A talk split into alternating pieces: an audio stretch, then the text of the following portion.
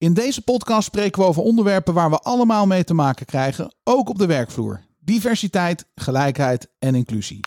Welkom bij de Storybrand Podcast, waar wij geloven: if you confuse, you lose. Ruis in je communicatie is je grootste vijand. En het creëren van een duidelijke boodschap is de sleutel om je bedrijf te laten groeien.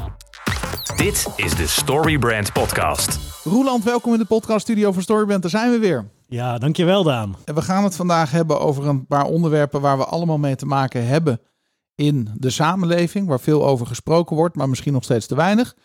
En waar we ook op de werkvloer mee te maken hebben gehad, hebben of gaan hebben. En dat zijn onderwerpen als diversiteit, inclusie en ehm, gelijkheid. Ehm, wa- wa- waar denk jij aan bij deze onderwerpen? Wat doet het met jou als je weet dat we deze gast vandaag gaan interviewen? Oh, er zijn zoveel dingen die... eh, ja, je kan het dan Wat houdt jou bezig?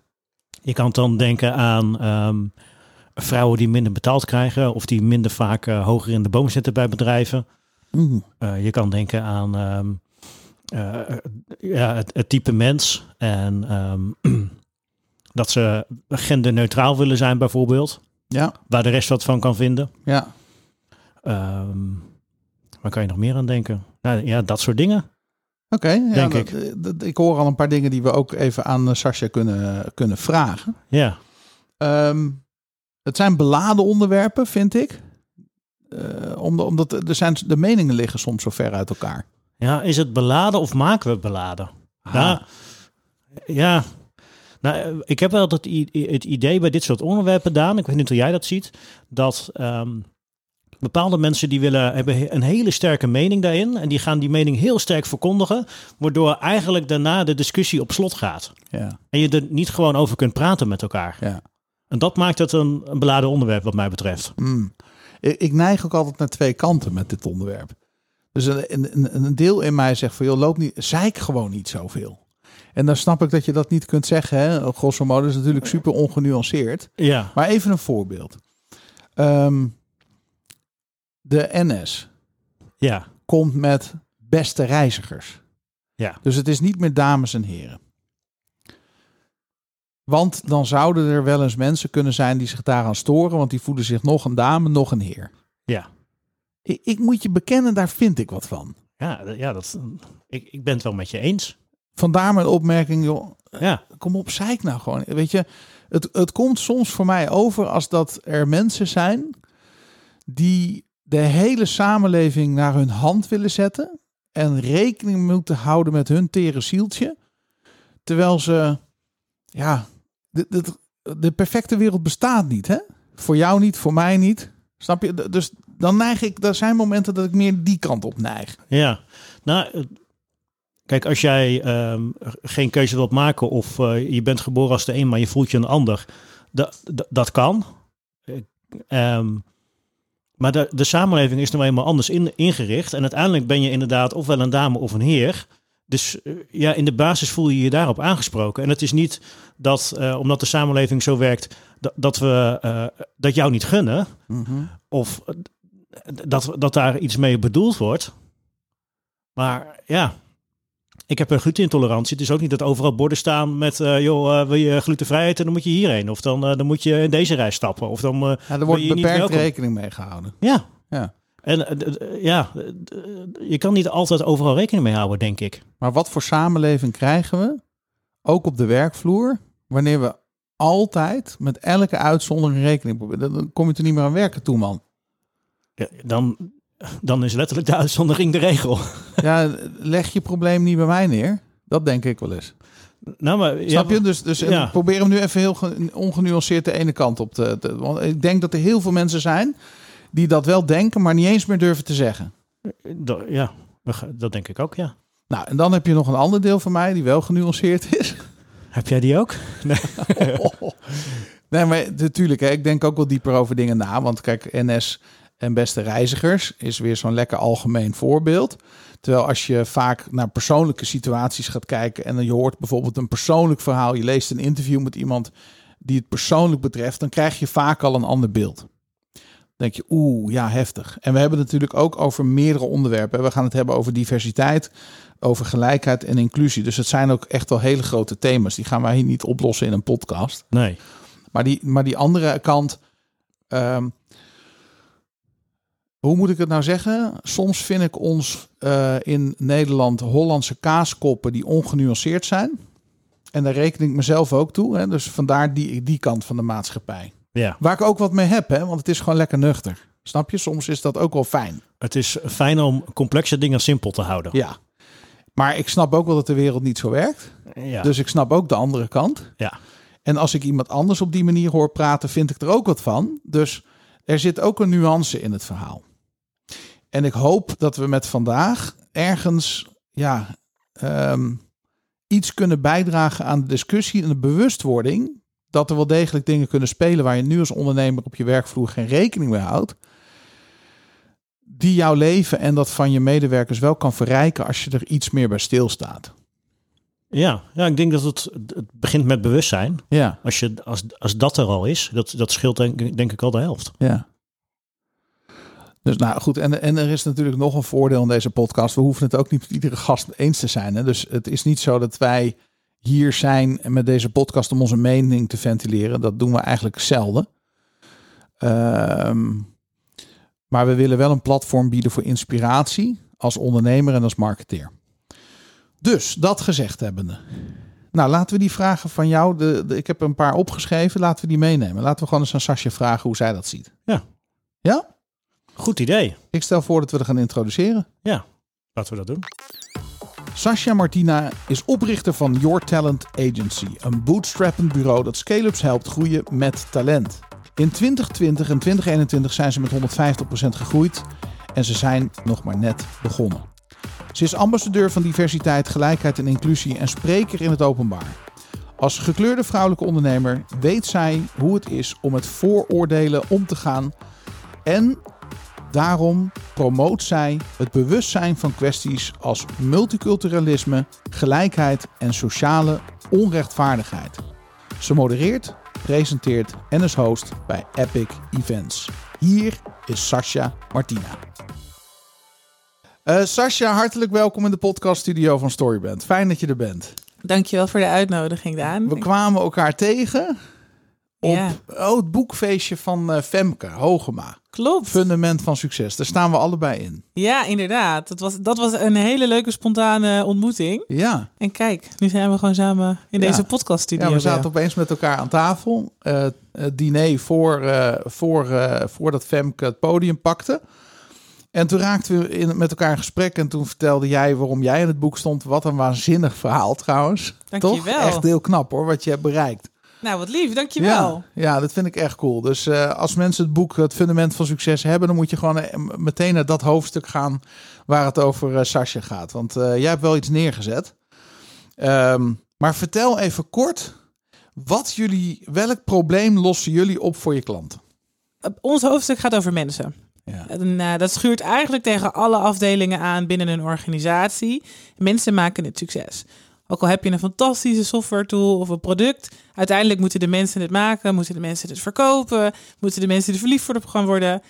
Eh, maar groeien, groeien met de juiste mensen, groeien met talent en ook daar met een blik van diversiteit en inclusie naar kijken. Ja, Dus niet tien keer jezelf aannemen, maar ook mensen met andere achtergronden, andere overtuigingen eh, aan je team toevoegen, zodat je eigenlijk beter, groter en sneller en succesvoller kan worden. ja. Dat is iets waar heel veel ondernemingen nog niet echt goed mee bezig zijn. Nee.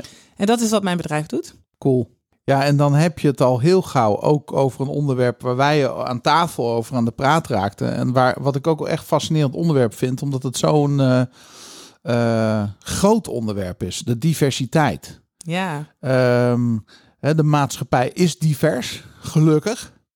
Ehm, maar we zien het niet altijd terug op de werkvloer. En dat is best gek. ja we zien het onvoldoende veel te weinig terug op de werkvloer. Ja, Eh, en daar, ja, daar heb ik een hele lijst aan redenen voor. Eh, maar het is een, zeker een begrip, diversiteit. En eigenlijk gaat diversiteit tegenwoordig veel meer hand in hand met diversiteit eh, gelijkheid en inclusiviteit. Ja, Dus eh, dat zijn allemaal hele zware kernbegrippen. ja, En dat zijn eh, begrippen die eigenlijk pas de laatste paar jaar ineens overal opduikelen. ja. En ik hoor heel veel ondernemers, maar ook mensen die in managementteams en C-level zitten, die worstelen hier best wel mee. ja. Want blijkbaar moet je daar tegenwoordig in eh, 2023 iets mee gaan doen. ja. En ja, waar begin je dan? Nou, wat je nu zegt, dat raakt me wel. Want dat is denk ik wat heel veel ondernemers ervaren. Van oké, dit komt op me af. Op allerlei manieren in de media word je hiermee geconfronteerd, punt. Maar dan moet ik er wat mee. Dat is hoe ik het ook heel vaak hoor bij de netwerkborrels. Van eh, een soort verplichting. Ja, Ehm, maar als we het nou eens benaderen vanuit een enorme kans en wat het oplevert. Hè? Want dat is hoe jij er ook naar kijkt. absoluut. Ehm, je hebt zelf een hele diverse achtergrond. We hadden het er net nog eventjes over.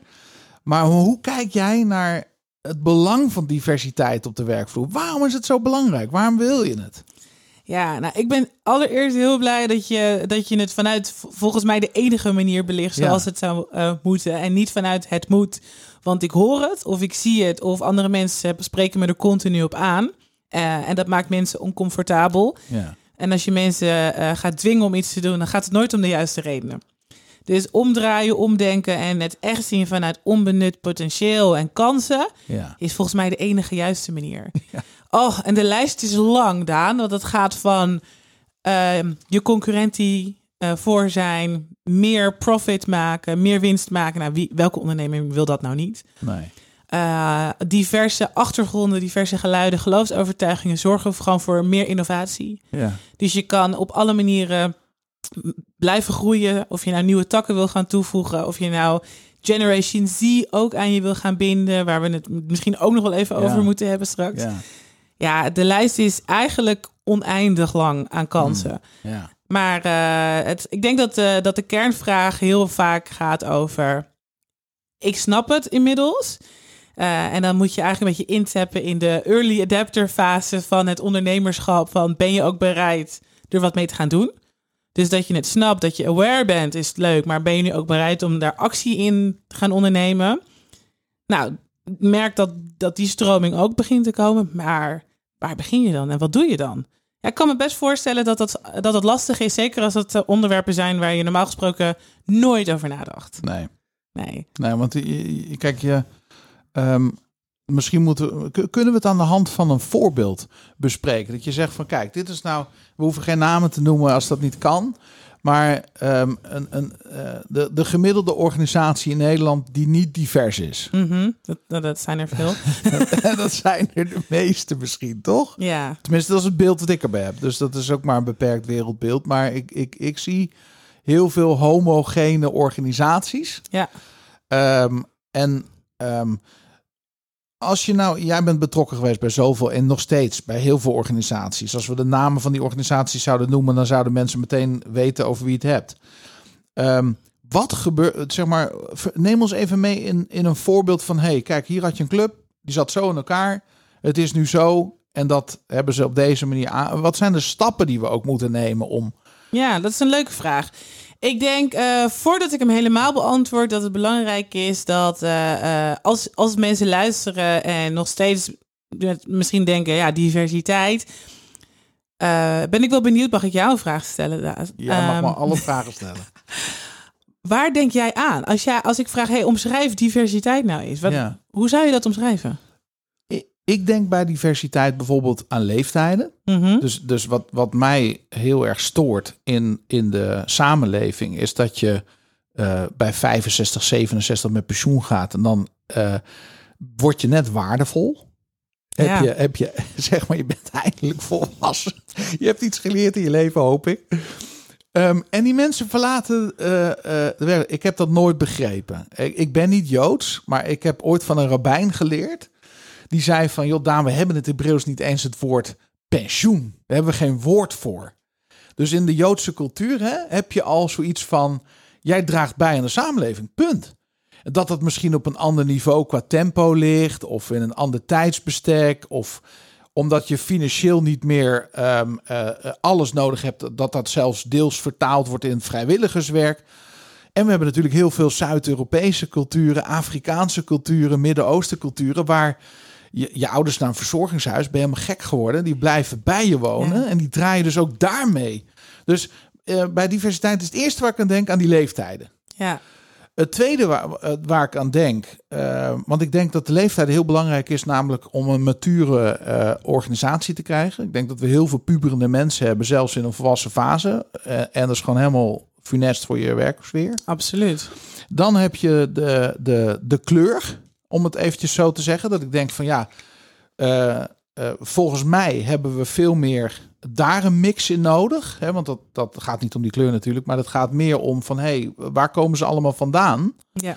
En eh, vooral als we eventjes de Randstad verlaten, ja, wat mis je dan wel niet aan, aan cultuur daarin? Ja. Ik heb gelukkig in mijn familie heel veel verschillende culturen. En ik ben daar heel dankbaar voor. Omdat het ehm, soms pijnlijk blootlegt hoe eenzijdig het denken is van de gemiddelde Hollander. nou, wat, Nou, wat fijn dat is dat er je... eentje. Ja, Ehm, ik, ik denk ook aan ehm, eh, achtergronden. Dus, dus, dus heel, heel, ik ben heel blij dat ik in mijn leven een kans heb gekregen om in een eh, zeg maar een carrière switch te maken. Met, terwijl ik nul aantoonbare ervaring had. Maar dat de jongen die tegenover me zei van, het, eh, van die intermediair: van ja, weet je, je hebt absoluut niet de papier. Je hebt het gekste cv wat ik ooit heb gezien. Maar ik durf je daar wel introduceren, want ik zie het je gewoon doen. ja. En ik heb daar 7,5 jaar succesvol gewerkt. Dus ik zie diversiteit ook in mensen aannemen. Die weet ik veel, sterrenkundigen zijn. En nu bij jou HR komen doen. Maar omdat ze, zij kunnen dat gewoon. ja. Dat soort dingen moet ik aan denken. Nou, ja, je hebt eigenlijk al drie hele raken genoemd. Ja, misschien mis ik er nog wel 40. Maar Weet, weet je hoeveel, eh, eh, want, want binnen de diversiteit, ik ben het is een soort van test bijna dit, hè? Sorry. Ehm, het is niet om je een vervelend gevoel te geven, hè? maar het is wel denk ik goed voor mensen om inderdaad mee te, denk, mee te denken over Ja. wat betekent het nou. ja. Bij de meeste mensen, als ik, vraag, als ik deze vraag stel van wat is diversiteit, dan is het meestal eh, gender, dus ja. man-vrouw. ja. Eh, en en dan ben krijg ik vergeten. ja, maar dat is het eerste antwoord wat meestal wordt gegeven. Oh, ja, Oh. maar, ja, maar wij hebben hier eh, heel veel vrouwen werken. Dus we zijn divers. Eh, en vaak zitten de vrouwen dan ook nog in supportive rollen, ondersteunende functies. En dat is ook niet divers en zeker niet inclusief. Nee. Officieel zijn er twaalf intersecties waarop wij diversiteit meten. Oh, Ja, ik ga ze niet alle twaalf nu opnoemen. Maar als mensen daar interesse in hebben, heb ik meteen een stiekem call to action. Want wij geven daar inderdaad workshops in. Cool. Eh, maar het is wel belangrijk, want als we praten, laten we dan dezelfde taal spreken.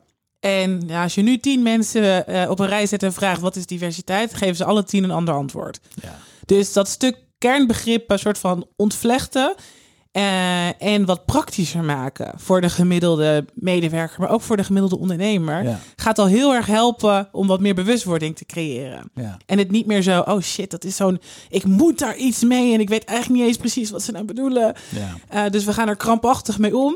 Maar praktisch maken. Van waar hebben we het nou over? Dus het gaat inderdaad over gender. Het gaat over leeftijd. Het gaat over culturele achtergrond. Het gaat over opleidingsniveau. Het gaat over seksuele voorkeuren. Nou, en ik kan nog eh, wel even doorgaan. Ja. Eh, en dat zijn eh, dingen die ons allemaal verschillend maken. Ja. En heel veel kun je zien, maar ook heel veel niet. Nee. Dus door ook mensen een beetje uit hun comfortzone te trekken en samen met hun team op onderzoek te gaan van waar zitten nou onze verschillen? Want dat is wat diversiteit is. Ja. Alles wat ons verschillend maakt. Eigenlijk is dat de beste omschrijving Ja, zoals ik hem kan geven. Alles wat ons verschillend maakt. Ja. En dan kom je pas achter door met elkaar in gesprek te gaan. Ja. Eh, en als dat, eh, ik snap dat dat lastig is als je bij eh, een bedrijf zit waar eh, 500 man rondloopt. Dan ga je niet met iedereen even een koffietje doen en vragen: Goh, vertel me eens over al jouw diverse achtergronden. Dus een goed, een goed ding om mee te starten is bijvoorbeeld een anonieme survey. Ja. Om ook eens een baseline te leggen van hè, hoeveel mensen heb je nou bijvoorbeeld vanuit die LGBTQ-community hier rondlopen? Ja. En is dat een eerlijke representatie van de mensheid? Want één op de tien mensen is onderdeel van de rainbow spectrum, zoals zij hem noemen. Ja.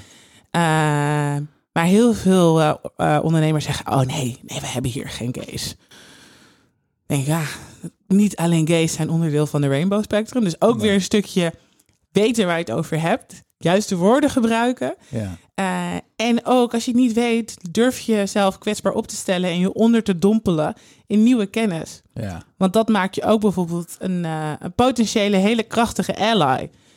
En eh, het woord ally is ook zo'n woord van, ja, wat betekent het nou? En eigenlijk is een ally een, een, natuurlijk zo'n Engels buzzword. Bondgenoot. Bondgenoot. Ja, en een bondgenoot is niet alleen iemand die zegt, ja, maar bij mij is iedereen welkom. Maakt me niet uit welke kleur je hebt. Het gaat verder dan dat. Het gaat ook over, ben jij degene die in staat is om een veilige omgeving te creëren? Ja. Waar mensen dus zich, uit kunnen, zich kunnen uiten zoals ze willen. Ja. Zich kunnen kleden zoals ze willen. Maar ook als er bijvoorbeeld op de werkvloer vervelende dingen voorkomen, wat regelmatig gebeurt. Ja. Eh, grapjes, vooroordelen. Eh, ben jij dan ook iemand die zegt, jongens, nee, dat gaan we dus niet doen. Want Nee. dat is een beetje racistisch. Of dat is een beetje seksistisch.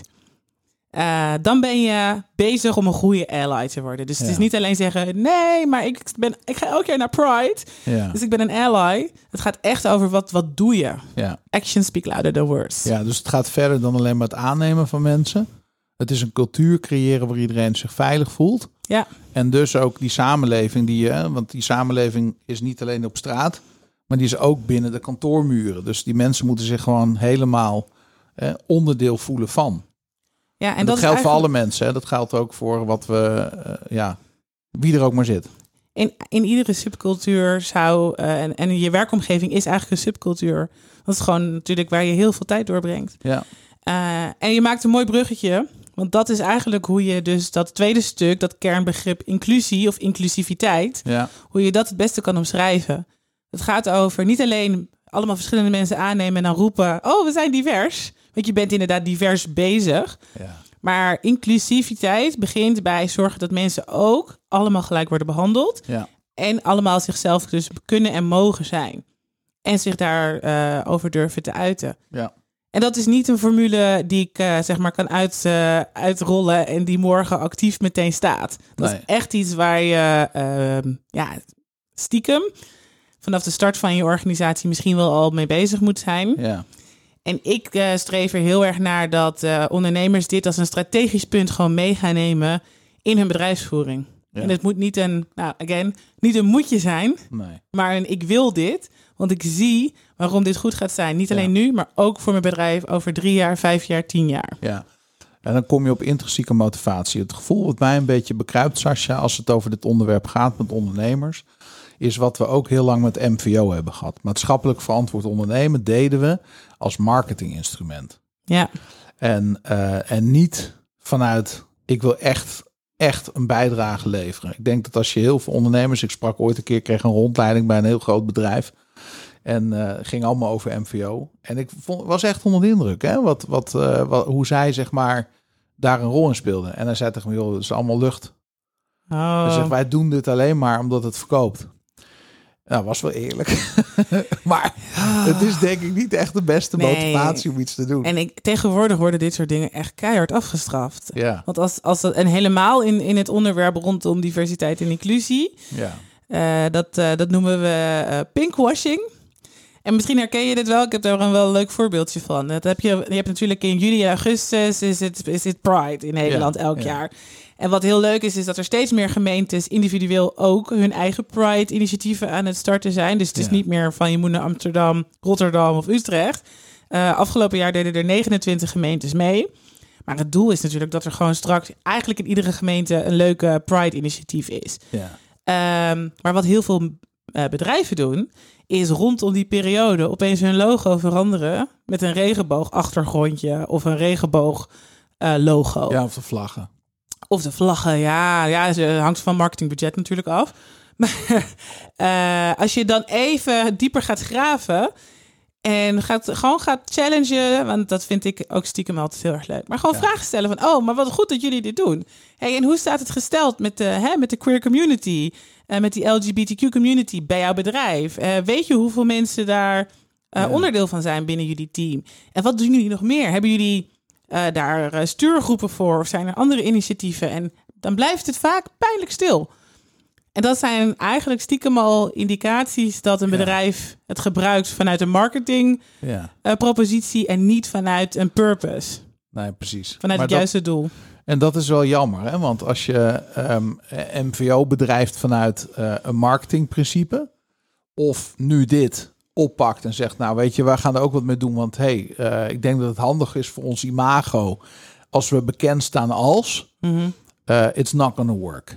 Nee. Nee, Nee, en je wordt, je wordt gewoon genadeloos afgeslacht. ja. Ehm, Nou, en het belangrijkste, sorry dat ik je even de reden val, Sascha, maar het belangrijkste is natuurlijk dat je eigenlijk de reden dat je dit moet willen en doen, ehm, ja, ik zou bijna zeggen, is het niet, kijk, want anders wordt het ook weer een trucje dat je zegt van ja, maar het is goed voor de omzet, goed voor de ontwikkeling. Dit is toch wel, we zijn toch gewoon in de eerste plaats gewoon mens en geen ondernemer, dus je moet dit gewoon willen, omdat dit is wie wij zijn. Het is het wij. We leven zo'n individualistische maatschappij. Is dat niet gewoon al reden genoeg om het te willen? ja, eh, Daan, absoluut. Maar de meeste mensen kijken niet naar wij, maar kijken naar mij. Ja, Die kijken naar zichzelf. En eh, nou, als je dan mazzel hebt, dan kijken ze misschien achterom of om hun heen. En dan kijk je naar de inner circle. Ja, hoe is die representatie Ja. in jouw familiegroep, in jouw, in jouw vriendengroep, in jouw, Ja. nou ja, de mensen die je in ieder geval elke week eh, ziet of spreekt. Eh, ja, daar begint het bij. Ja. Want je kan je niet inleven in een ander als je niet die mensen kent en die verhalen kent, die achtergronden kent en daarmee soms ook de pijn eh, van, het, eh, van, van een minority, van een minderheidsgroep zijn. ja, En dat gaat natuurlijk heel breed, want het gaat van mensen van kleur, mensen met een biculturele achtergrond, maar ook mensen die vanuit de queer community komen, mensen met een handicap, of dat nou is dat je in een rolstoel zit, of omdat je slecht kan zien, slecht kan horen. Ehm, het gaat heel ver. En natuurlijk, iedereen kent waarschijnlijk wel iemand met een bril, maar heb je wel eens bijvoorbeeld met mensen daarover gesproken? Hoe lang heb je dat al? Want kindjes die op jonge leeftijd bijvoorbeeld al een bril moesten dragen, hebben soms daar hele vervelende ja. eh, ervaringen mee gehad, zijn gepest. En dat, neemt, dat zijn allemaal dingen die je meeneemt in de rest van je leven. ja. Dus soms even dieper durven graven, kom je er ook achter. Oh, we zijn eigenlijk allemaal best wel verschillend. Dus je krijgt dan meer eh, begrip en respect voor dat stukje diversiteit. ja. Maar het maakt ook het makkelijker om het gesprek open te breken met je collega's over diversiteit. Ehm, n- niet bekend maakt onbemind, zeggen ze geloof ik. Hè? Dus, dus eh, een van de, even een heel simpel voorbeeld. Maar als ik uit eten ga met mijn vrouw, vind ik het gewoon leuk om te zeggen van joh, laat die kaart, die hoef ik niet eens te zien. Ehm, ja, jullie weten waar jullie goed in zijn. Dus Mhm. ja, ik ben bij jullie te gast. Dus serveer maar wat je wil. Ik heb van de week nog gedaan. Heerlijk, want dan eet ik allemaal dingen die ik nooit zal eten. Ja, Er zit denk ik ook een heel component van angst. Als, als, eh, we zitten hier net niet op de Bijbelbelt, geloof ik. Maar kan bijvoorbeeld even, ik neem even als voorbeeld eh, eh, de, de, de christelijke hoek van, van Nederland. ja, Ik denk dat daar heel veel angst speelt over van, joh, maar als ik allemaal mensen krijg die niet vanuit mijn kerk of geloof of overtuiging. En dat kan ook een andere overtuiging zijn, hè? met alle respect zeg ik dit. Dus er zijn heel veel eh, niet-rationele dingen die ons tegenhouden om misschien stappen hierin te zetten, waardoor we heel veel potentie mislopen. Nu eventjes naar wat moet ik nou. Stel dat ik nou als, als luisteraar denk. Ja, maar joh, ik ben het hier helemaal mee eens, Sascha. Ik wil gewoon ook gewoon een diverse, eh, maar het is vooral onwetendheid. Ik weet gewoon niet hoe. ja, En ik denk dat je net al een aantal dingen hebt gezegd van ja, weet je, eh, leuk dat je met Pride je logo een kleur geeft. Laten we het in ieder geval toejuichen. Maar ehm, nu, je, nu ik jou hoor zeggen, Sascha, van ja, weet je, maar dat is niet genoeg. Het gaat om die veilige omgeving en die cultuur, et cetera. Hoe, hoe pak je dit aan? ja. Goeie vraag. Er is niet één formule, dus daar moet Nee. ik je wel meteen in teleurstellen. Ja, jammer. Ja, Nou, sorry. jammer. Ja. Ja, ehm, A of één, het begint eh, heel erg met eh, eh, willingness en kwetsbaarheid. ja, En dat, dat moet gedragen worden door de top. Ja. Dat moet gedragen worden door de mensen die in het management en in het leadership zitten. Want anders gaat het niet vliegen. Het zijn juist vaak de mensen die hè, de werkbijtjes zijn, die zeggen: joh, eh, ik vind eh, dat er wel wat ontbreekt hier. ja, Eh, en die stellen kritische vragen als er weer nieuwe mensen worden aangenomen. Management heeft vaak niet door wat de impact is. nee. Omdat ze het nog niet zien, omdat ze het niet voelen of omdat ze het gewoon niet weten wat je zegt. Eh, gaat om een stukje awareness. Het gaat echt om, hey jongens, laten we nou eens ons gaan kwetsbaar gaan opstellen. Kritisch kijken naar wie zit er hier, Maar wat willen we? En is dit ook iets waar we ons voor durven en willen in te gaan zetten? Ja. Wetende dat het niet perfect gaat zijn. Nee. En wetende dat het een ongoing proces is. Ja, en dan, en dan oké, maar dat is met je bestaande mensen eigenlijk. Ja. Dus daar kun je al beginnen. En wat kunnen, kijk, want jij gaf net eh, een call to action. Nou, eh die juich ik alleen maar toe, want eh, ja, we zijn hier om mensen te helpen. Dus wat ze zouden kunnen doen, is sowieso al een workshop volgen bij jullie. Om, om awareness te creëren. ja, absoluut. Ik denk dat. eh, ehm, en dat is ook de vraag die wij veel krijgen. Hè? Ja, We willen praktische tools. Dus los van. Oké, je kunt meer profit eh, krijgen en je kunt eh, daar meer innovatief mee zijn. Dat zijn de lange termijn doelen. Op de korte termijn wil je ook gewoon praktische tools en tricks. Dat is iets wat je zelf heel erg gaat helpen. Wat je kan gebruiken in je marketingstrategie. Want dat zijn de juiste dingen. ja. Dus niet dat regenbooglogootje. Maar je kan wel laten zien: hey, we hebben net een workshop gedaan over diversiteit en inclusie met Your Talent Agency. Want wij vinden dit een belangrijk onderwerp en we willen er meer over leren. ja. En we hebben bijvoorbeeld een hele leuke introductieworkshop. Waarin we dus eigenlijk mensen meenemen in een soort woordenboek. Hele interactieve, leuke workshops. Wat zijn nou al die woorden? Want er zijn nogal wat woorden. Het gaat van unconscious bias. Onbewuste vooroordelen. En wat heb jij dan voor unconscious bias? Eh, mensen die zeggen dat ze dat niet hebben, die liegen. Want iedereen heeft het, ook Tuurlijk. ik. En wij laten mensen bijvoorbeeld eh, een test doen. En Ja. daar komt je bias uit. Echt? Super confronterend. Ja. Maar wel heel praktisch. Want je kan meteen met elkaar in gesprek Ja. over herken je dat? En hoe kun je nou ervan leren? Hoe kun je bijvoorbeeld ook leren met, eh, met micro-agressieve opmerkingen? Dat klinkt heel heftig, maar het zijn micro-agressieve opmerkingen. Dus het gaat over, oh ja, eh, zij is toch blond, ha ha ha. Of eh, de vrouwen moeten altijd de kopjes koffie halen. Ja, want dat, eh, vrouwen, eh, bloed, bloed achter het stuur. Of het zit vrouwen achter het stuur, bloed aan de muur Ja. allemaal grapjes. Oh, pas maar op je portemonnee. Of oh, dat is vast een Marokkaan. Ja, je kent ze wel. Ja. Het zijn altijd hetzelfde mensen die hetzelfde soort vervelende opmerkingen maken. En, en nogmaals, met alle respect, ja. het gebeurt heel veel. En het creëert een sfeer. Mensen lachen het vaak weg. Ja, het creëert een sfeer. Het wordt vaak Mm. een beetje weggelachen of weggemoffeld. Eh, dat zijn allemaal tools, eh, tenminste, dat zijn allemaal voorbeelden waarbij, waarbij wij eigenlijk mensen heel bewust maken van hun onbewuste gedrag en hun onbewuste uitingen. Ja. En soms moet je diegene zijn die zegt: hey joh, het is niet leuk, want het, eigenlijk is het best wel kwetsend. Ja. Of hey joh, het is best wel een beetje racistisch of seksistisch wat je net zei. Ja. Zullen we dat gewoon niet meer doen? En zo open je op een vriendelijke, veilige manier dat gesprek, zodat je andere mensen kan betrekken in hoe gaan we nou elkaar gewoon als gelijken zien en met respect behandelen. Ja. Schitterend, want je weet ook niet alles. Als jij een bedrijf hebt met 500 man, dan durf ik zeker te zeggen dat eh, eh, het MT en de directie echt niet van iedereen weet ehm, hoe de diversiteit in elkaar steekt. Dus je weet ook niet wel wie je aan het kwetsen bent soms. En mensen gaan ook nog eens een keertje door fases heen. Ik bedoel, ik heb ook een keer bij een bedrijf gewerkt waar iemand uiteindelijk besloot ik wil voor de rest van mijn leven als vrouw door het leven. Ja, Hè, dus die, die eh, had je misschien als man eh, bejegend in die tijd daarvoor.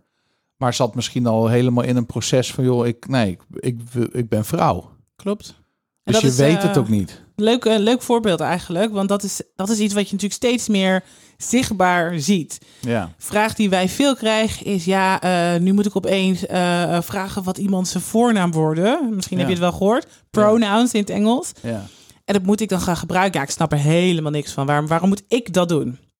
Dat is een vraag die wij bijvoorbeeld heel veel krijgen. En ik vraag me af of luisteraars dat ook herkennen. Want je ziet het steeds vaker. Ja. Je ziet ook steeds vaker dat mensen zich identificeren als non-binary. ja, Eh, want ik ben geen jongen en ik ben geen meisje. Want ik vind dat ik gewoon, ja, eh, die persoon ben. ja, Eh, dat, is, dat is iets wat mensen heel erg ingewikkeld vinden, maar wat eigenlijk altijd er is geweest. ja, Gelukkig creëren we steeds meer een omgeving en een cultuur wereldwijd waarin mensen zich veilig voelen om zich nu te gaan uiten zoals ze, zoals ze willen. ja, Maar dat is heel erg lang onderdrukt geweest.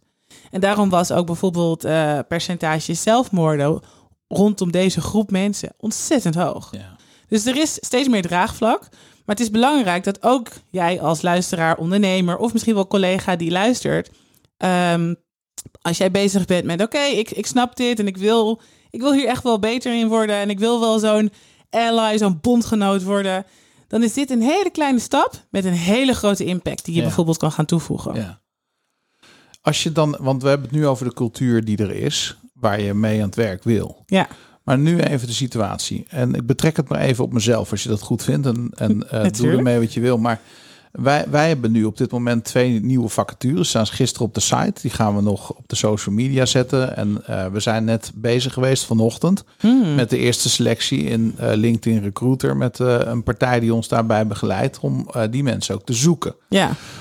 Ehm, hoe pak ik dat aan op een manier die recht doet aan deze, eh, ja, aan, aan, aan wat we gewoon zijn met elkaar? ja, leuke vraag. En heel praktisch. Ja, Ja, met eh, als, als je doel is van hey, wij willen eigenlijk wel wat diverser eh, worden. En we willen ook een diversere doelgroep gaan aanspreken om bij ons te gaan solliciteren. nou, ik zou je een voorbeeld geven. Mijn vrouw en ik waren hier vanmorgen bezig. Je, toen je binnenkwam, er is hier een hele witte muur. Wij willen daar mooie foto's in het thema film. Mhm, Weet je dat ik gewoon geen enkele poster kon vinden met eh, donkere mensen? Klopt. Ik had alleen maar Jack Nicholson, Sean Connery, eh, James Dean, Lor- Lauren en Hardy. Oh, Wij met, je wil met, met een beetje eh, oude Nou ja, stijlfilms. Nou ja, Liz? Liz kwam ermee van joh, ja, maar dit is toch niet de representatie van onze maatschappij. Nee.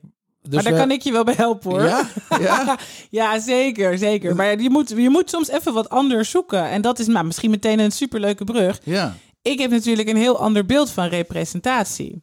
ja, Eh, want ik heb al meteen een aantal die me net bij me naar binnen schieten. Dus die ga ik zo meteen zeker met je delen. ja, Eh, maar wat je niet weet, kan je niet veranderen. En dat gaat ook met bijvoorbeeld vacatures opstellen, ja. uitzetten en een bepaalde... eh, Die is sterk, hè? Dus wat je niet weet, kun je niet veranderen. Oeh, ja, die komt wel even binnen. Hè? ja, Maar dat gaat rondom je wervingsproces gaat het ook heel erg ver. Dus dat begint al bij hoe schrijf je je vacaturetekst? Wie schrijft je vacaturetekst? Is, eh, er wordt heel veel masculine woorden bijvoorbeeld gebruikt in de Nederlandse taal. Denk maar aan, eh, je gaat naar de Ka- Kamer van Koophandel en je opent een eenmanszaak. Waarom heet het een eenmanszaak? Ja, het zijn heel veel dingetjes, mankracht. En dat zijn hele eh, zwart-witte voorbeelden. Ja. Maar ook de associatie die eh, mensen hebben met bepaalde woorden zijn masculin of feminin. ja, Ehm, als een man het schrijft, wordt het waarschijnlijk ook door mannen meer gevonden. ja, Als jij het schrijft en mensen gaan jou onderzoeken en die gaan kijken, hey, wie is nou die Daan? En wat voor mensen werken er bij Daan? En zij zien onvoldoende zichzelf terug. Dat kan letterlijk zijn in foto's van je team. Ja, Ja, foto's van je team, foto's van misschien wel eh, gaan ze nog een laagje verder als ze niet op afgeschrikt zijn, omdat je team niet diverser uitziet. En ze gaan kijken, oké, voor wat voor soort klanten werken ze? Ja, ja. Maar het is, het is nu in alle eerlijkheid niet divers. maar als je dat wil veranderen, Op heel veel van die twaalf die jij noemt, hè? Op sommige wel, ja. maar op heel veel niet. Nou, als, je daar, als je daarmee aan de slag wil, dan is het, Natuurlijk. eh, kun je al heel praktisch zeggen, oké, niet op alle twaalf, maar op een aantal wel. Ja, Hoe gaan we degene waar we wel goed mee zijn vergroten? ja, en daar meer eh vocaal over zijn. Dus gaan we daarover schrijven, gaan we daar content over delen, gaan we daar video's of foto's over delen. Dus eh, en niet alleen om het te laten zien, maar ook om het te benoemen. Dus jij zegt, nou, leeftijd is bijvoorbeeld misschien bij ons wel iets wat, waar Ja. we divers in, Ja. goed in scoren. ja, Ja, benoem dat. ja, Van hé, hey, we zitten hier tussen de 22 en de 52. Dus in principe, hè, alles Ja. is mogelijk. ja, En eh, dat laat niet alleen zien van, oké, we snappen het, maar ook we hebben senioriteit. ja. Dus we kunnen je wat leren. En jeugdigheid. En jeugdigheid. Ja, En we staan ontzettend open, want we zijn hiermee bezig. ja. Ehm, Dus als jij, als, eh, want we hadden het net, eh, zeg maar in ons praatje pot voordat we de studio indoken. Toen zei je al van, joh, maar daar kan ik je bij helpen. Want eigenlijk moet je al meteen naar de tekst kijken. Ja. Eigenlijk moet je al meteen kijken naar de... Maar we doen ook selecties in LinkedIn Recruiter. mhm, Dus dan, daar, daar doe je ook al een unconscious bias. 100 procent. Ja, ja, tuurlijk. Want jij hebt ergens, ergens hier onder in je onderbuik, heb jij eh, een, een voorkeur. Ja, nou ja, of op zijn minst een plaatje. Eh, En wie als doet zou die... het nog niet eh, eens een voorkeur zijn, dan, dan toch? Ja, en, eh, want je hebt, tuurlijk, laten we eerlijk zijn, dat heb ik ook. Ik heb echt een beeld van, als ik een nieuwe marketeer aanneem, dan wil ik liefst iemand die zoveel jaar ervaring heeft, eigenlijk bij dit bedrijf of dat bedrijf heeft gewerkt, in ieder geval die tooling kent. Dus je, je bouwt al een soort image in je beeld en heel vaak eh, koppelen we dat aan een persoon die we al kennen. Ja. Of dat nou jouzelf is, wat heel vaak gebeurt van, oh, dat heb ik zelf gedaan en ik vind mezelf eigenlijk best wel goed. Eh, is het, of het is iemand waar je mee hebt gewerkt, waar, die je fantastisch vond. Ja. Uh, dus onbewust maak je de hele tijd toch een koppeling van... Hè, uh, mm, zie, ik, zie ik voldoende terug in die kandidaat... versus die persoon die ik eigenlijk in mijn achterhoofd heb. Dus iets wat je ook kan, kan gaan toevoegen... wat eigenlijk heel makkelijk is... is kijken of je iemand kan toevoegen aan je selectie... aan je eerste selectie... Um, meeting of ja, ja. hoe je dat doet. Dus wat je zegt, we hebben een shortlist of een longlist van kandidaten. Ja. Uh, als jij er in je eentje naar gaat kijken, dan ga je unconsciously mensen al wegstrepen. Ja. Maar als ik naast jou zou gaan zitten, dan krijgen we waarschijnlijk een hele andere uitkomst. Ja. Nou, durf dat eens te gaan doen. Ja. Ook intern met je eigen team. Heb je altijd dezelfde mensen die interviews voeren, dan krijg je altijd dezelfde type uitkomst. Ja. Eh, laat, je ook, laat je ook zien dat je. Ehm, heel veel onderzoek laat bijvoorbeeld zien dat heel veel vrouwen het niet fijn vinden om door twee mannen meteen in een eerste interview Nee. eh, geïnterviewd te worden. Ja. Dus kun je, eh, kun je een vrouw bijvoorbeeld al betrekken om te laten zien: hey, hoe, hoe, hoe is het hier qua cultuur? Ook al heeft zij misschien niet per se direct met die persoon te maken in haar dagelijkse werkzaamheden. Je laat in ieder geval zien van hey, het is veilig genoeg. Ja. En wij vinden het belangrijk dat je ook ziet dat er eerlijke representatie in ons hele proces aanwezig is. Super logisch eigenlijk. Super logisch, maar, Maar ja, niet als je er niet. vanzelf. Zeker niet. Nee. nee. Ehm, in die discussie die nu gaande is in de maatschappij rondom deze onderwerpen, waardoor heel veel mensen zich eindelijk gehoord en gezien voelen. En Ja. dat is een van de grootste wensen die we allemaal hebben als mens. Ik mag er zijn. ja, Hè, dus ik word niet gedoogd, nee. maar ik mag hier leven. Ik heb net zoveel recht op die planeet als jij. En, en jij net zoveel als ik. Ja, is Ehm, zo. Vanuit die gelijkwaardigheid, echte gelijkwaardigheid, zoals die ook in onze grondwet beschreven staat, ehm, eh, is het wel een hele interessante discussie. Dat, ik weet niet hoe jij dat ziet, hè, eh, eh, eh, we moeten meer vrouwen aan de top hebben. Dat is eentje die ik er heel veel lees in het Financieel Dagblad. Mhm. En ook heel veel hoor op de radio. Dus een van de dingen die ik ook in mijn vriendenkring wel eens hoor, is van ja, ik wil best eh, naar een diverse samenleving en ik wil best naar een divers bedrijf. Maar om nou verplicht meer vrouwen aan de top, ik wil gewoon de beste. Mhm. En je hoort hem al een beetje. Hè? Dus, dus, dus ehm, hoe zie jij dat? Want dat, dat, dat vind ik persoonlijk ook een moeilijke. Van hey, je wil divers, maar moet ik dan mensen gaan aannemen omdat ik dan divers ben? Dus hoe, Ja. de, de unbiased cons, eh, de, hoe noemde je het net? De, unconscious, bias. Ja. Dus je, je kan on, onbewust bevooroordeeld zijn. Ja. Maar je wil ook weer niet doorslaan in een bewuste vooroordeel de andere kant op.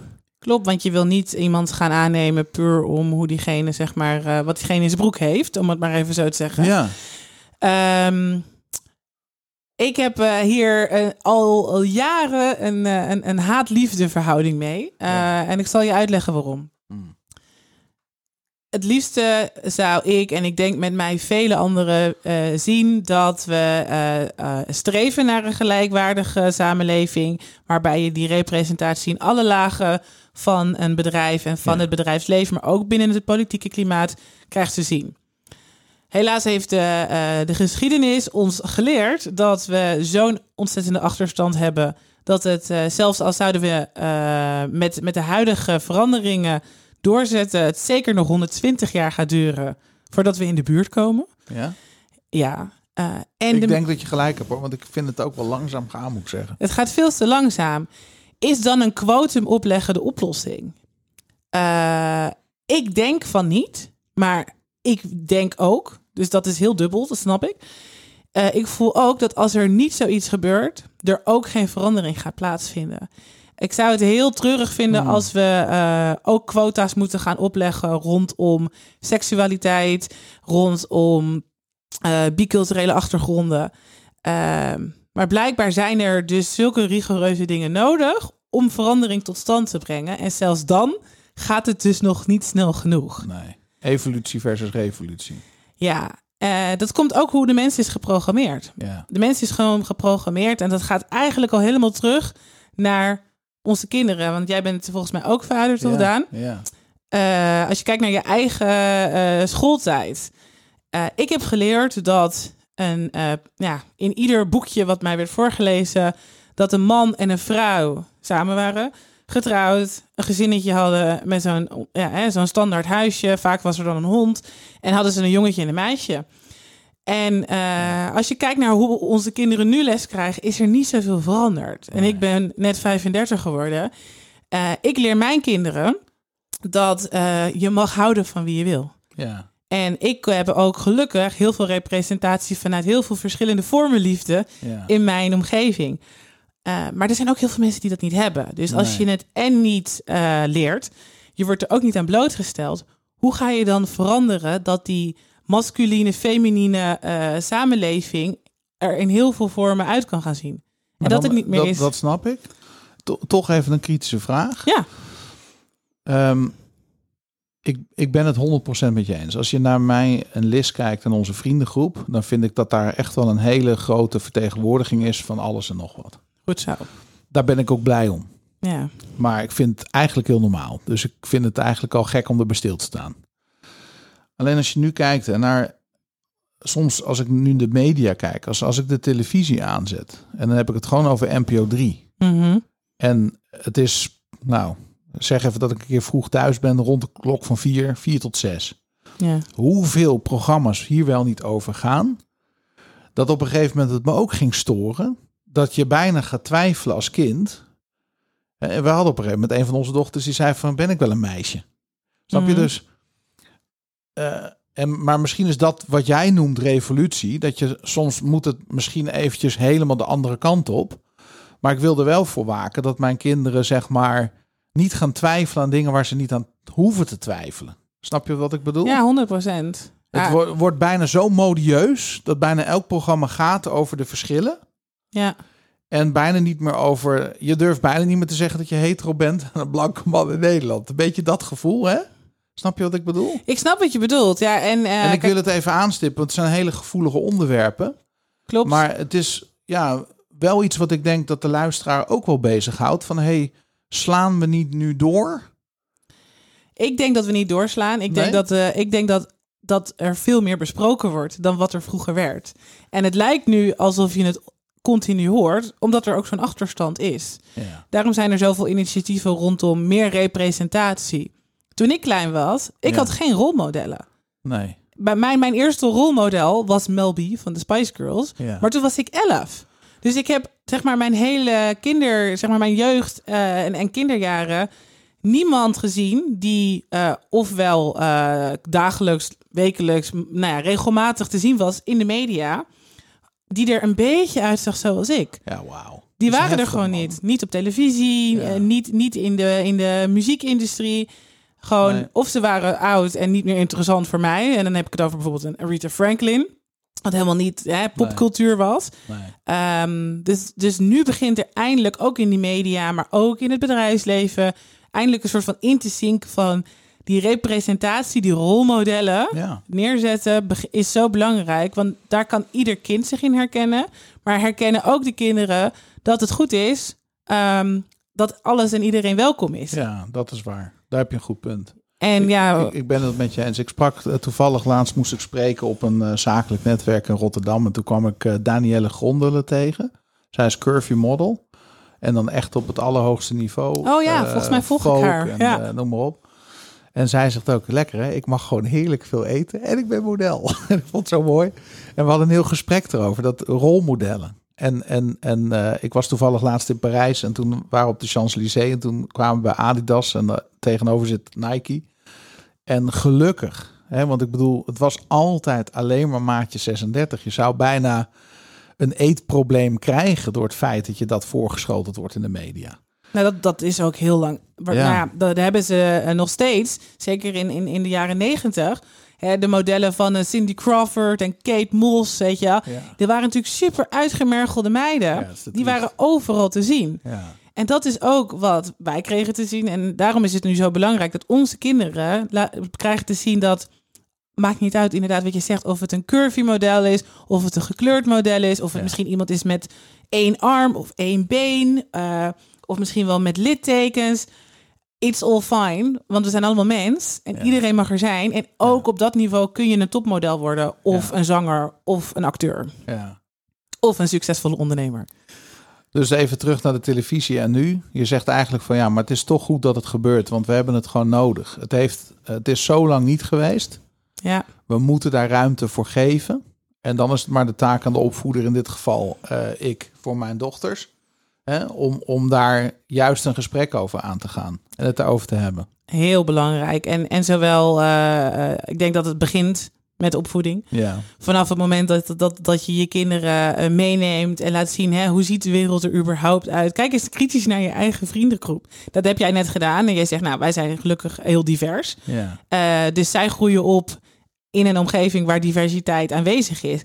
Maar eh, als je die vraag aan, aan andere mensen stelt en echt eens kritisch kijkt, ja, dan is het vaak wel, oh ja, nee, dat is eigenlijk wel een beetje hetzelfde, Ja. hetzelfde profiel. ja. Eh, dat betekent niet dat je nu opeens bewust eh, met dat gay koppel aan de overkant maar vrienden moet worden voor representatie. Je kan namelijk ook op andere manieren educatie geven. ja. En eh, ja, je zegt net, ja, dat is dus blijkbaar, soms zijn dingen disruptive nodig om dingen duidelijk te maken. Ja, dat is denk ik wel gebleken, want waarom wij überhaupt dit gesprek hebben, Daan. Eh, weet je wat eigenlijk het grote soort van oerknalmoment is geweest? Nee. Wat denk je? Heb je een idee? Want eigenlijk hebben we het pas sinds een jaar of drie, vier misschien hierover. Ja, ja, het is nog maar kort. Eigenlijk wel, hè? Kort, ja. Wat is de aanleiding? Ehm, nou, we hebben heel veel onderzoek ernaar gedaan. En het is een combinatie van twee best wel grote gebeurtenissen in de wereld. Eh begon met de hashtag MeToo-movement. Ja, Waar natuurlijk heel veel over eh, eh, mensen die eh, door personen van macht misbruikt zijn. En opeens kwam er een soort van opstand. Vooral van heel veel vrouwen, hè, vanuit Harvey Weinstein uit. Amerika. ja, Die bleek al zijn leven lang jonge meisjes te hebben misbruikt. En zijn machtspositie zo te hebben ingezet dat mensen zich niet durfden te, te uiten. ja. Toen ontstond er een golf. En ineens Ja. was er wereldwijd naar de ene naar de andere zaak. Nou, we hebben het hier zelfs in Nederland met The Voice recent nog meegemaakt. ja. eh, kwam naar buiten. En Dus die movement is eigenlijk heel krachtig. Weet je wat ik het erger ervan vond? Nou, vertel. Nou, dat eigenlijk niemand verbaasd was. Snap Nee, ja, je? dat is, eh, Inclusief mezelf, hoor. Maar, ik, was, ik... heb wel me echt eh, met popcorn in shock zitten kijken toen naar die aflevering, hoor. Ja, nee, dat wel. nee, tuurlijk, tuurlijk, tuurlijk. Maar even, even grosso modo, als je dan even daarna afstand neemt... Neem even Hollywood als voorbeeld, hè, Ja. wat jij net aanhaalde. Ik heb heel veel mensen gehoord en ik heb het ook zelf gedacht van... ja, maar dat wisten we toch stiekem eigenlijk al. Want het is, je, je kan toch op je klompen aanvoelen dat dit een ongezonde situatie is. Hoe dat gaat. Ja, 100%. Maar hoe groot zo'n beerput dan Nee, vreselijk. is... Nee, tuurlijk. En wat daar nog steeds uitrolt, eh, maar wat er dus wel eh, positieve eh, maar we zijn er nog niet. Nee, precies. Dus het het licht aan het einde van de tunnel is er misschien heel ver weg, maar we Ja. praten dus nu makkelijker en meer over dit soort onderwerpen. Ja, en de tweede, grote, de tweede grote bom, dat was met Black Lives Matters. Ja, ja. Want ja, iedereen die dat niet heeft meegekregen, die eh, had hopelijk corona of lag onder een steen. Want dat was natuurlijk precies in, die, in het begin van de pandemie. Ja. Maar toen ineens werd er pijnlijk duidelijk, eh, en dat is, eh, daarin gebeurt natuurlijk meestal de eerste grote bom vaak in Amerika. Ja, Maar dit gebeurt ook hier in Nederland. ja. Ik word regelmatig geprofileerd. En dan ja, je kan me nu niet zien als je dit luistert. Maar misschien Ja. kun jij me even omschrijven, Daan. Hoe zie ik eruit?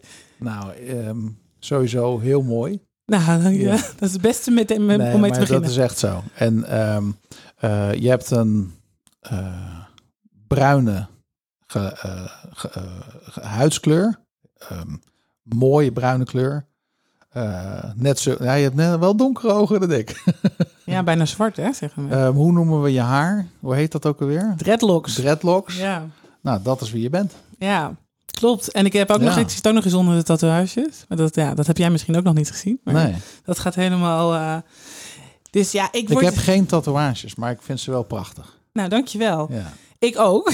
ja. Eh, maar dat is wel iets waar ik bijvoorbeeld mezelf heel lang eh, niet veilig in heb gevoeld. Zeker in het begin van mijn carrière.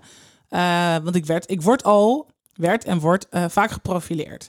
Mensen van kleur worden geprofileerd. Wat is geprofileerd, sorry? Geprofileerd betekent dat je opvalt en niet per se in de po- positieve manier. Nee. Dat betekent eh, dat bijvoorbeeld... Bijvoorbeeld als je, je bedoelt zeg maar als eh, eh, mensen aangehouden worden door de politie Ja. op straat vanwege een huidskleur of eh, eh, de zwarte cap met eh Ja. capuchon en nou zo dat bedoel je met profileren toch? Ja, dus dat gaat eh, van eh, gevolgd worden in, in de winkel eh, door bewaking. Oh, Wauw. Ja. Dat gaat van eh, op Schiphol altijd eruit getrokken worden voor een extra of soms een, een driedubbele check. Eh, en ik kan nog heel veel voorbeelden noemen.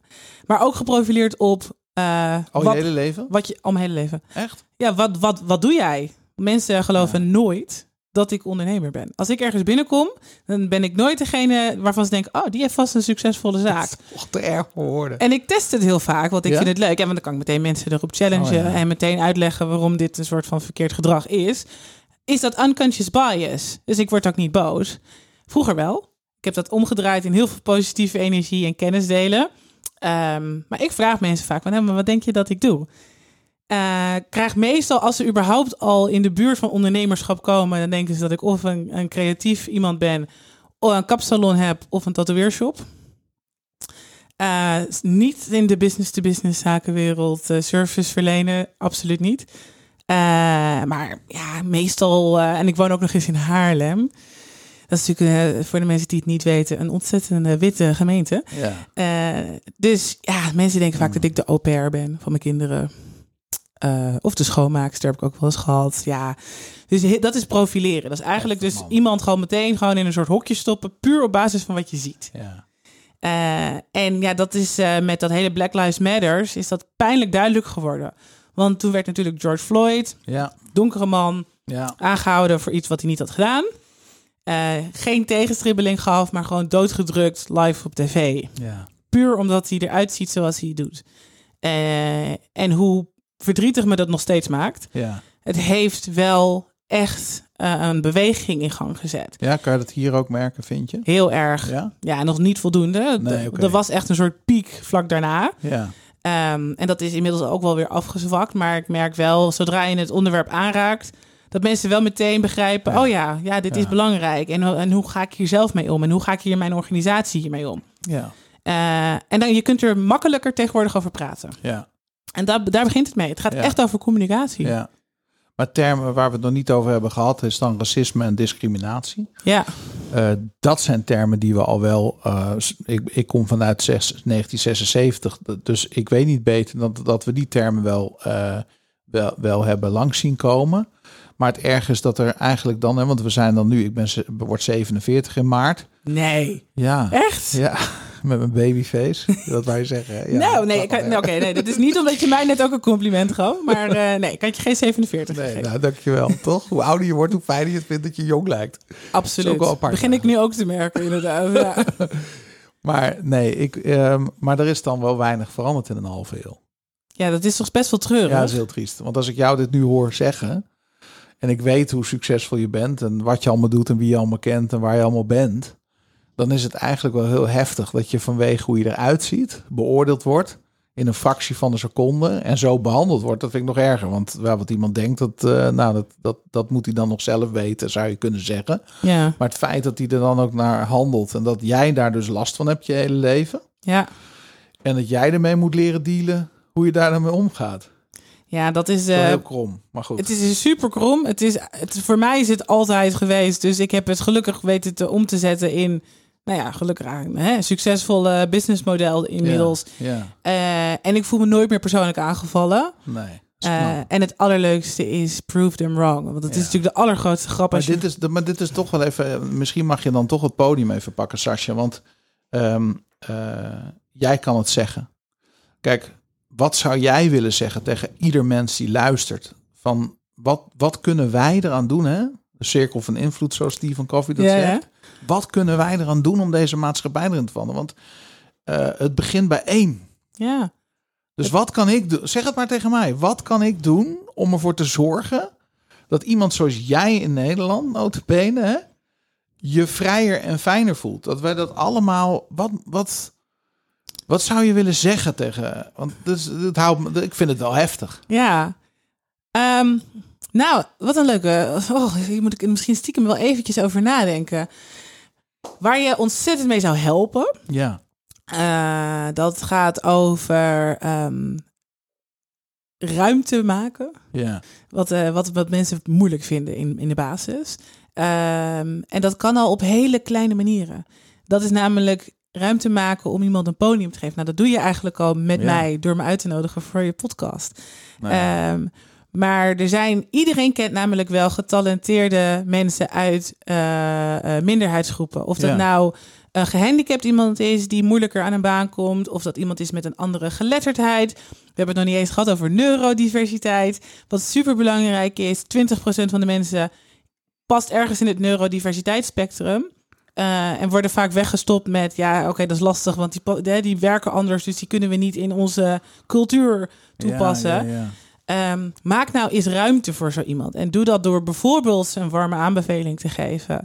Als jij weet, ik ben stiekem misschien wel privileged. Hè? Wat je zegt, ik heb kansen gekregen. Ja. Ik ben nooit beoordeeld of gevolgd eh, in de winkel... omdat ik er misschien eh, volgens de bewaker eh, verdacht uitzag. Ja. Ik heb nooit hoeven uitleggen dat mijn kinderen mijn kinderen zijn... en dat ik niet de au pair of de oppas ben. En nou, ik kan duizend Nou voorbeelden ja, noemen. ik ben man en niet vrouw. Dus alleen al de seksistische opmerkingen waar vrouwen mee te maken hebben. Precies. Dat, wat, wat vaak, ik denk dat je als vrouw, dat, dat alleen het geslacht hier, dus dat al impact heeft op, op Heel nou, weet je, het fluiten van, van de bouwvakker. Even sorry dat ik eh, dan ook een stereobeeld gebruik. Maar dit gebeurt natuurlijk heel veel. Ja, en, en, en, en ruimte maken gaat voor mij echt over dus ook durven op te staan. eh, als jij voelt, merkt of hoort dat er dus iets wordt gezegd of gedaan over iemand die dat niet verdient. Ja, dat is een goeie. En dat is het minste Spreek eigenlijk. je uit. Ja, dus als iemand weer zo'n grapje maakt over je collega die misschien hè, Ja. eh, er iets anders uitziet door uiterlijke kenmerken. eh, en je, want je, kent, je kan goed genoeg inschatten of iemand daar eh, lacht omdat ze meelachen of lachen omdat ze denken Met pijn. met pijn. Durf dan ook gewoon te zeggen, joh, hé hey, luister, is toch niet leuk? Nee. Want mensen vinden dat heel erg moeilijk. En maar vooral degene over wie het grapje wordt gemaakt. Ja. Dus durf zo'n ally, zo'n bondgenoot te zijn en te zeggen, nou ja, hé hey, luister, ik vind het helemaal niet grappig. Zullen we dat gewoon niet meer doen? Nee. Ehm, Sterk. durf je vrouwelijke collega's een keer naar voren te duwen als er weer eh, complimentjes worden gegeven. Of als iemand een keer een presentatie mag geven en je denkt, deze vrouw heeft zoveel talent. Ik weet het, maar ze gaat het zelf niet doen. Dus ik schrijf jou naar voren. Ja. Dat soort dingen, dat gaat al de wereld van verschil maken. Want als meer mensen dat gaan doen, Ja. dan gaan we langzaamaan echt wel naar zo'n gelijke wereld. Kikken, man. Dat is mooi. Ja. Hey, in de afsluiting van onze podcast. We zijn, weet je dat we al 55 minuten verder zijn? Oh, ik was, er, ik was er al bang voor. Jij zei, jij jij nodigde me uit en toen zei je, ja, als het goed is, als het leuk is en we brengen kwaliteit content, dan zijn we zo een uur verder. Ja, zijn we zo een uur verder. Maar goed, dan is het een Maar ik, compliment. ik, wil nog, ik zou nog heel duizend dingen willen vragen aan je en over wi- willen leggen. Maar we hadden straks, je zei aan het begin één ding waarvan ik dacht van, oh, laten we toch nog even bij stilstaan als dat kan. Dat is eh, generatie Z. ja, Want dat vind ik ook wel een interessante. Ehm je noemde het net even in de context. Waarom wilde je er iets over zeggen? Wat, wat was even de aanleiding? Dat weet ik even. ja niet. nou, dat weet ik wel. ja. Ehm, want we, begonnen eigenlijk, het eerste haakje ging over, goh, we gaan het hebben over diversiteit en inclusie. ja. En eh, ja, dat is belangrijk, want het moet. Nou, we we zijn inmiddels erachter dat het niet moet, maar het moet vanuit intrinsiek komen. En eh, we willen dat mensen geïnspireerd raken en nieuwsgierig raken. ja. Waarom is het zo belangrijk? Overigens is dat puur de gouden regel. Wat bedoel je daarmee? Nou, doe, doe aan een ander wat je zelf ook zou willen. ja. Dus, dus het zou Treat, heel treat gek people zijn. how you want to be treated, zeg ik altijd. Bedoel je dat? Ja, dat. Ja. Dat. Dus, dus, dus ehm, eh, dat, maakt, dat maakt jouw eh, call to action die je net gaf. Van joh, sta op als iemand onrecht aan. Schuif iemand naar voren. Dat zou je zelf ook willen. Dus dat is misschien ook de reden. Ja. Maar terug naar generatie Z. Generatie Z, ja. Want, nou ja, eh, mensen, we hebben het over people. We hadden het over mensen vanaf het begin. Dat is mijn onderwerp. Ja. Dat is waar mijn hart sneller van gaat kloppen. Eh, ik ben een millennial. Ja. Ehm, dus ik begin al richting de uitgerangeerde hoek te gaan inmiddels. Want generatie Z, nou dat lees je ook overal. Eh, die, die staan te trappelen om de arbeidsmarkt op te komen als ze er niet al zijn. ja. Generatie Z, hoe oud zijn die dan? Die zijn van, even kijken, Eh, als ze nu de ar- arbeidsmarkt zijn, ze ze- zeg maar 18 vanaf 18 Ja, jaar. ze zijn ik, ongeveer rond, eh, rond, rond de, eeuwwisseling geboren. Precies. Ja. Ja. En die zijn dus nu, de- ja, wat is het, tussen de 18 en 25. Ja. Dat is ongeveer generatie Z nu. Ja. Ehm, en er komt alweer een nieuwe aan. eh, maar de generatie Z zijn de mensen die nu jouw eh, stagiair of jouw starter zijn. Ja. eh, of binnenkort worden. En dat gaat een hele andere doelgroep zijn. Zeker rondom dit onderwerp mensen, maar ook dingen als die jij al aanraakt, maatschappelijk verantwoord ondernemen, duurzaamheid, maar misschien nog wel het zwaarste op diversiteit en inclusie. Er is laatst een onderzoek geweest van Gartner.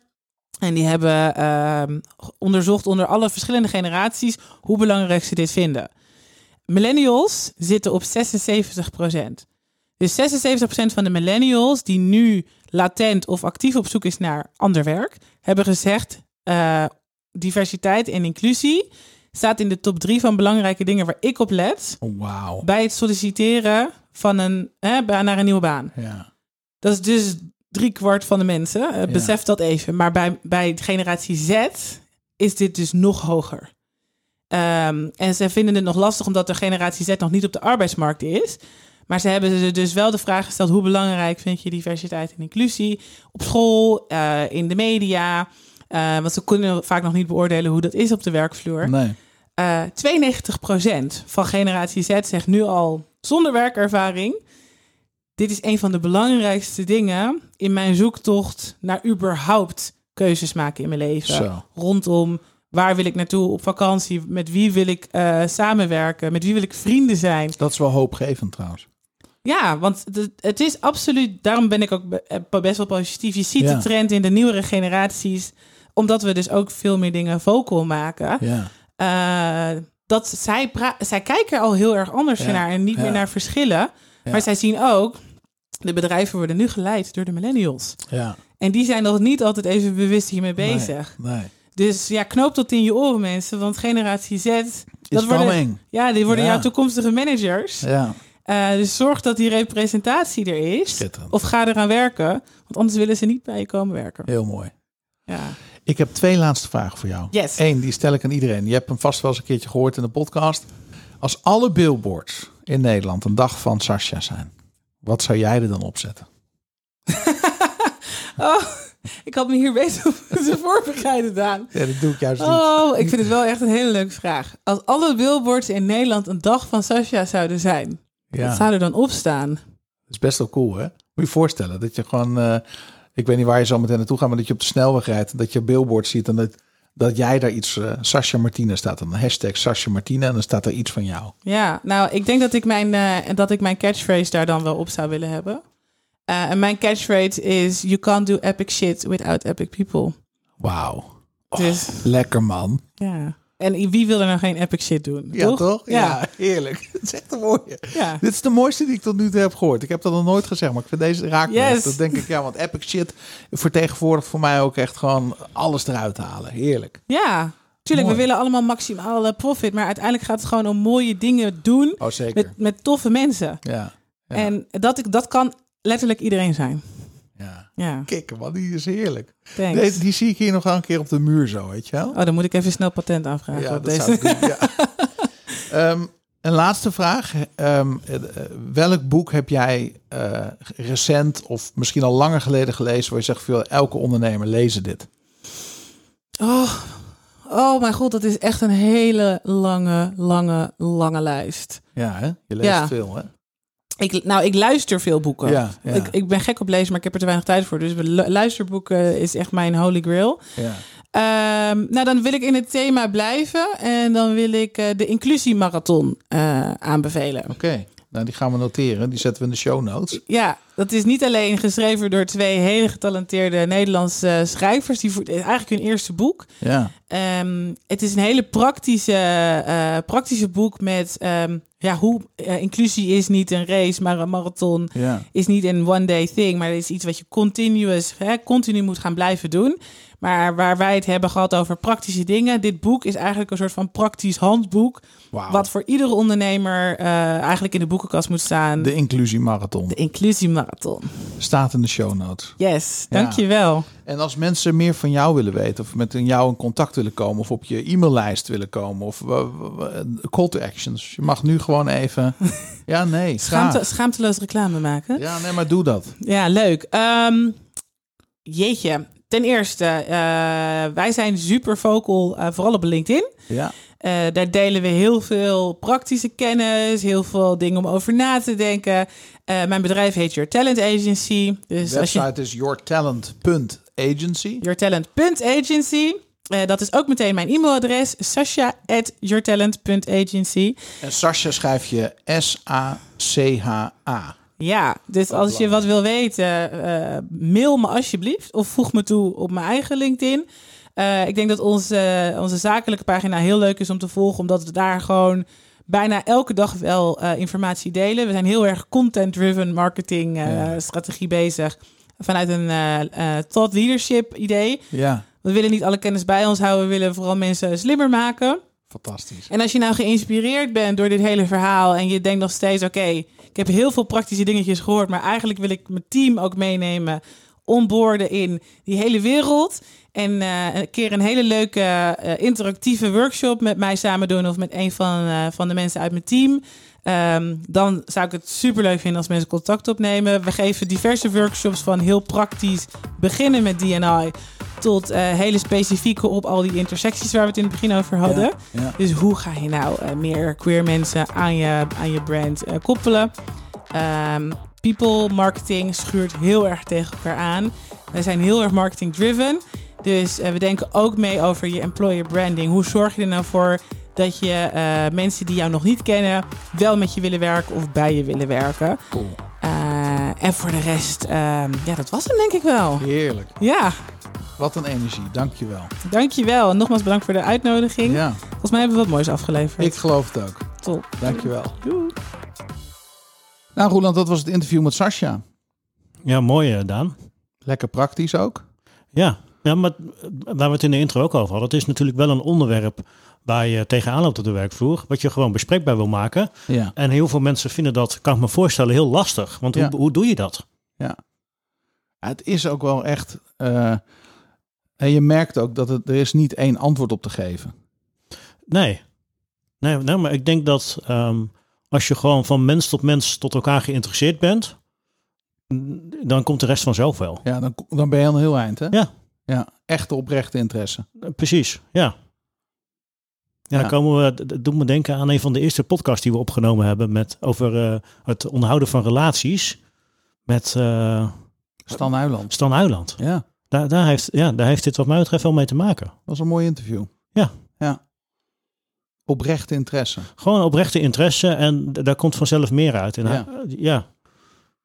Ik, ik denk dat je, als je het zo simpel maakt en dat ook bespreekbaar maakt met elkaar, dat ehm, de wil, of dat het makkelijker wordt om erover te praten en mensen zich ook minder snel schamen of gewoon durven te, te vertellen hoe ze, ja, wat er speelt. Mm. Ja. En ook mooi wat ze zei. Ze sloot af met eh, de quote: You can't do epic shit without epic people. Ja, Hè, dus dat, vanuit die gedachte, als je het mooiste en het beste in elkaar naar boven wil halen, dan moet, je ook, dan moet er ruimte zijn. Precies. En daar gaan we soms misschien wat te kort door de bocht in onze samenleving. Ja, ja veel te kort. Ja. Nou ja, zelfs met klanten hè, merk je het. Ik bedoel, we hadden van de week hadden we het over een, eh, een klant die dan eh, eh, wel een vraag aan jou stelt over hoe was je week. Maar dan vervolgens ga je antwoord geven. Ja, nou laten we dan nu maar weer aan. eh en, en Precies. vrij bot, zeg maar, dat gesprek weer terugbracht naar, naar, naar zijn eigen business. Ehm, missen we niet heel veel in een dag aan waarde omdat we zo doelgericht bezig zijn? Ja, het gaat voorbij aan de mens. Het Dat- gaat precies. Ja, dat- ja ik, ik denk dat wel. Er moet zoveel gebeuren in een dag. Ja. En eh, dan vergeet je het menselijke. Jij bent daar heel goed in. In het menselijke? Ja. Ja, dat is, dat is mijn natuur. Ja, dat is, dat is jouw talent. Ja, dat gaat op de automatische piloot bij mij. Ja. Jij begint eh, niet bewust met een, potje, eh, een, praatje pot, maar de- voor jou is dat geen praatje pot, maar gewoon connectie maken. Hè? Dat is, dat is, jij bent een verbinder en ook een teamplayer. Ja. Wil eerst eh, dat, dat gevoel hebben. Ja. Ja, Hmm. even horen wat er speelt. Ja, vaak ontdek ik wel daar, ah, als we zo in de wedstrijd zitten, dan snap ik wat voor gesprek we daarna kunnen hebben of niet. Ja. Ja, dat is knap. Is Ja. iets voor ons allemaal, denk ik. Om, eh, eh, als we één ding meenemen uit deze podcast, zorg dat je oprecht geïnteresseerd bent in anderen. Dan ga je al heel veel ontdekken en dan komt er al veiligheid. Precies. Ehm, we zijn als Storybrand zijnde bekend vanwege het boek Storybrand, vanwege de podcast. En ik denk, Roeland, er zijn ook wel veel mensen die ons kennen van de tweedaagse workshops. Ja. Wat een hele hoop mensen niet weten, is dat je met Storybrand, hè, we zijn een trainings- en consultancybureau, dat er veel meer wegen zijn waarop wij partijen, organisaties, eh, niet alleen bedrijven, maar ook, eh, ook non-profit organisaties, maatschappelijke organisaties, ehm, semi-overheid, overheid kunnen helpen bij het krijgen van een heldere boodschap. En het leek mij een leuk moment om in deze podcast daar even een minuut aan te wijden. Ehm, wat is, nadat ik het boek heb gelezen van Storybrand, hè, wat, zou, wat zijn even een paar ingangen waar je Storybrand volgens jou kunt leren kennen en kunt gebruiken? Naast het boek? Ja. Naast het boek, ja, één online training. Ja? Dan zou ik zeggen tweedaagse. Ja? Ehm, ja, dan, dan kom je bij een private workshop of een, eh, een certificering. Ja? Helder. Dus we hebben vier ingangen eigenlijk. Hè. Je zou kunnen zeggen met... met, met eh, nou, misschien is nog een ander dingetje wat interessant is voor mensen. We hebben natuurlijk op onze website whitepaper staan. Ja, We hebben video's daar staan. We hebben eh, het boek. We hebben de podcast. Sommige van de podcast eh, hebben we geen gasten. Bijvoorbeeld aflevering 1. Dan gaan we het hele framework door. Ehm, we hebben onze e-mailings. Hè. Dus als je bijvoorbeeld een whitepaper downloadt en je komt op onze mailinglijst, dan krijg je elke week waardevolle content van ons toegestuurd. Die je helpt om je marketing en sales te verbeteren. Ehm, waarom zouden mensen de online training moeten kopen? Misschien is dat wel een goede. Hè? Dus wanneer, wanneer is de online training een interessante ingang? Wanneer je zelf nu direct aan de slag wil. Nou, volgens mij geef je een antwoord op je eigen vraag. Als je nu zelf direct aan de slag wil naast het boek, zou ik zeggen, pak de online training. Precies. Ja. Dus dat is do it yourself. Ja.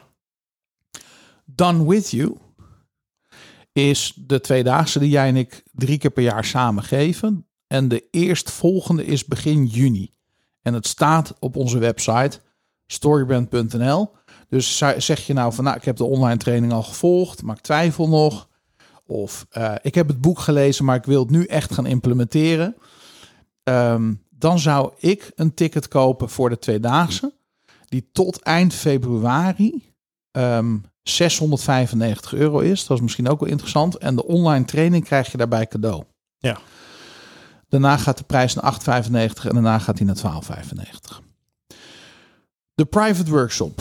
Meestal geef jij of ik of eh, nou, we hebben nog een paar andere facilitators eh, een private workshop aan bedrijven die zeggen kom bij ons een dag of anderhalve dag en help ons om die boodschap helemaal te nelen, helemaal helder te krijgen en ook aan dat marketingplan te werken of bijvoorbeeld aan de website of wat dan ook.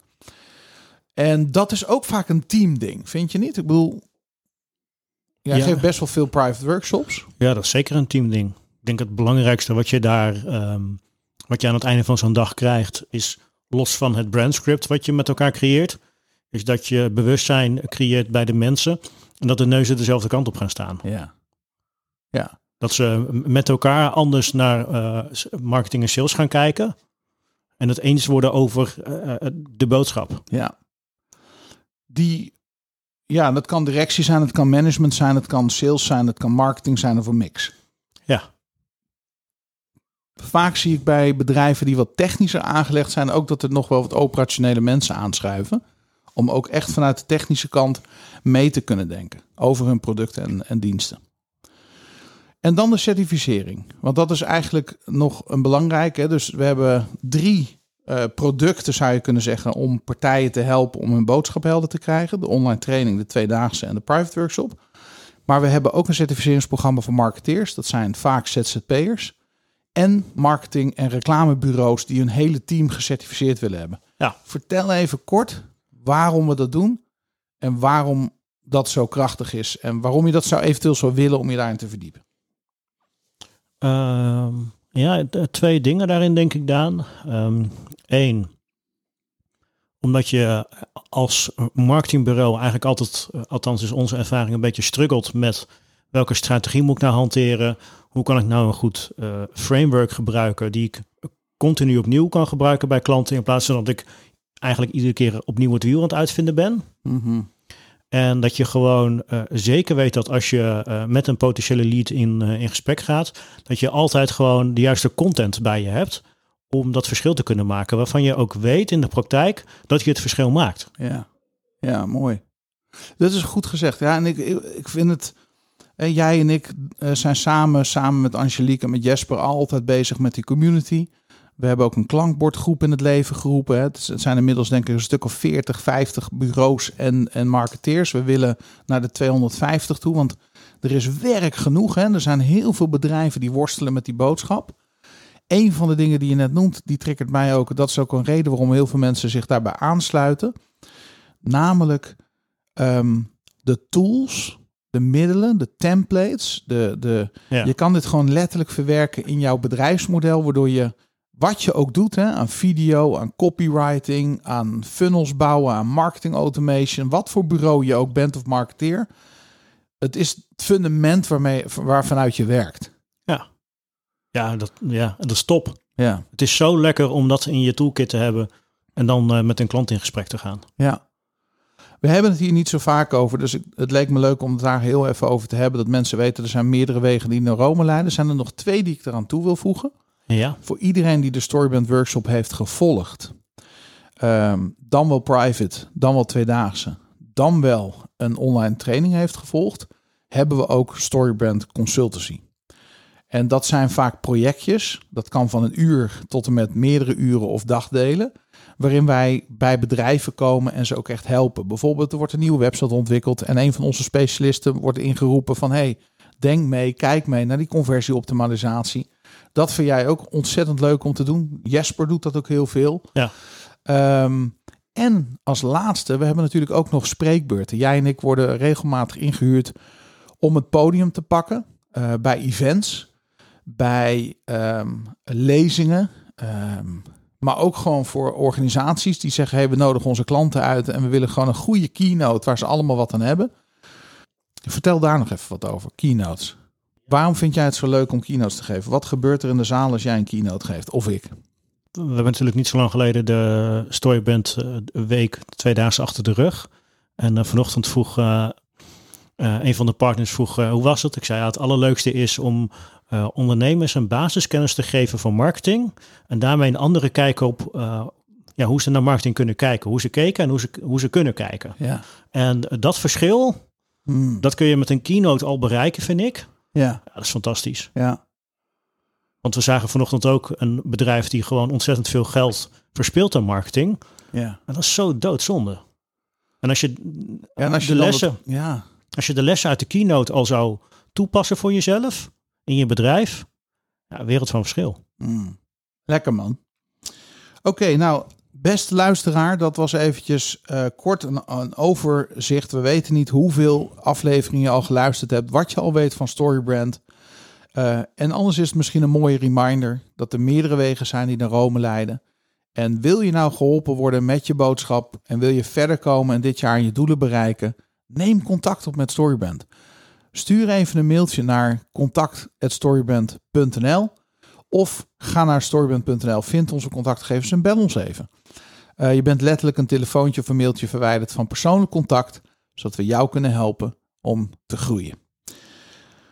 Heerlijk, Roeland. Ehm, volgende week kunnen we al een tipje van de sluier geven wat we gaan doen. Johan de Wit komt van Saasbazen. Heerlijk. Ja. Heb ik nu al zin in. En hij is ook de founder van Playbookify. Ja, Een nieuwe start-up met twee, eh, volgens mij, ja, twee ehm mede-compagnons Nederlanders die in Amerika wonen. Ehm, eh, bijzondere mensen die een heel mooi eh, software tool hebben gebouwd. Maar we gaan het niet zozeer over die tool hebben, maar meer over Waarom hebben zij deze start-up gestart? Eh, daar wil ik het heel graag met hem over hebben. En we willen het heel graag met hem hebben over de resultaten die hij heeft ge- gezien bij het implementeren van Storybrand in zijn business. Oh, leuk. Dat zijn twee Dus hele dat- leuke onderwerpen. Ja, dat is leuk. Het gaat echt over processen en het belang van systemen in je bedrijf. En hoe je dat doet, want Johan is altijd zo lekker praktisch. Hè? ja En heerlijk. het tweede is, wat, wat kun je nou verwachten als je Storybrand implementeert? Wat gebeurt er dan? Wat voor conversies kun je verwachten? Wat voor groei? Wat voor omzet? Wat voor winst? Dat soort dingen. Klinkt goed, eh, Daan. Heerlijk, zie je er Ja. nu al naar uit. Dankjewel Roeland. Yes. En luisteraar, bedankt voor het luisteren. Tot volgende week. Tot volgende week.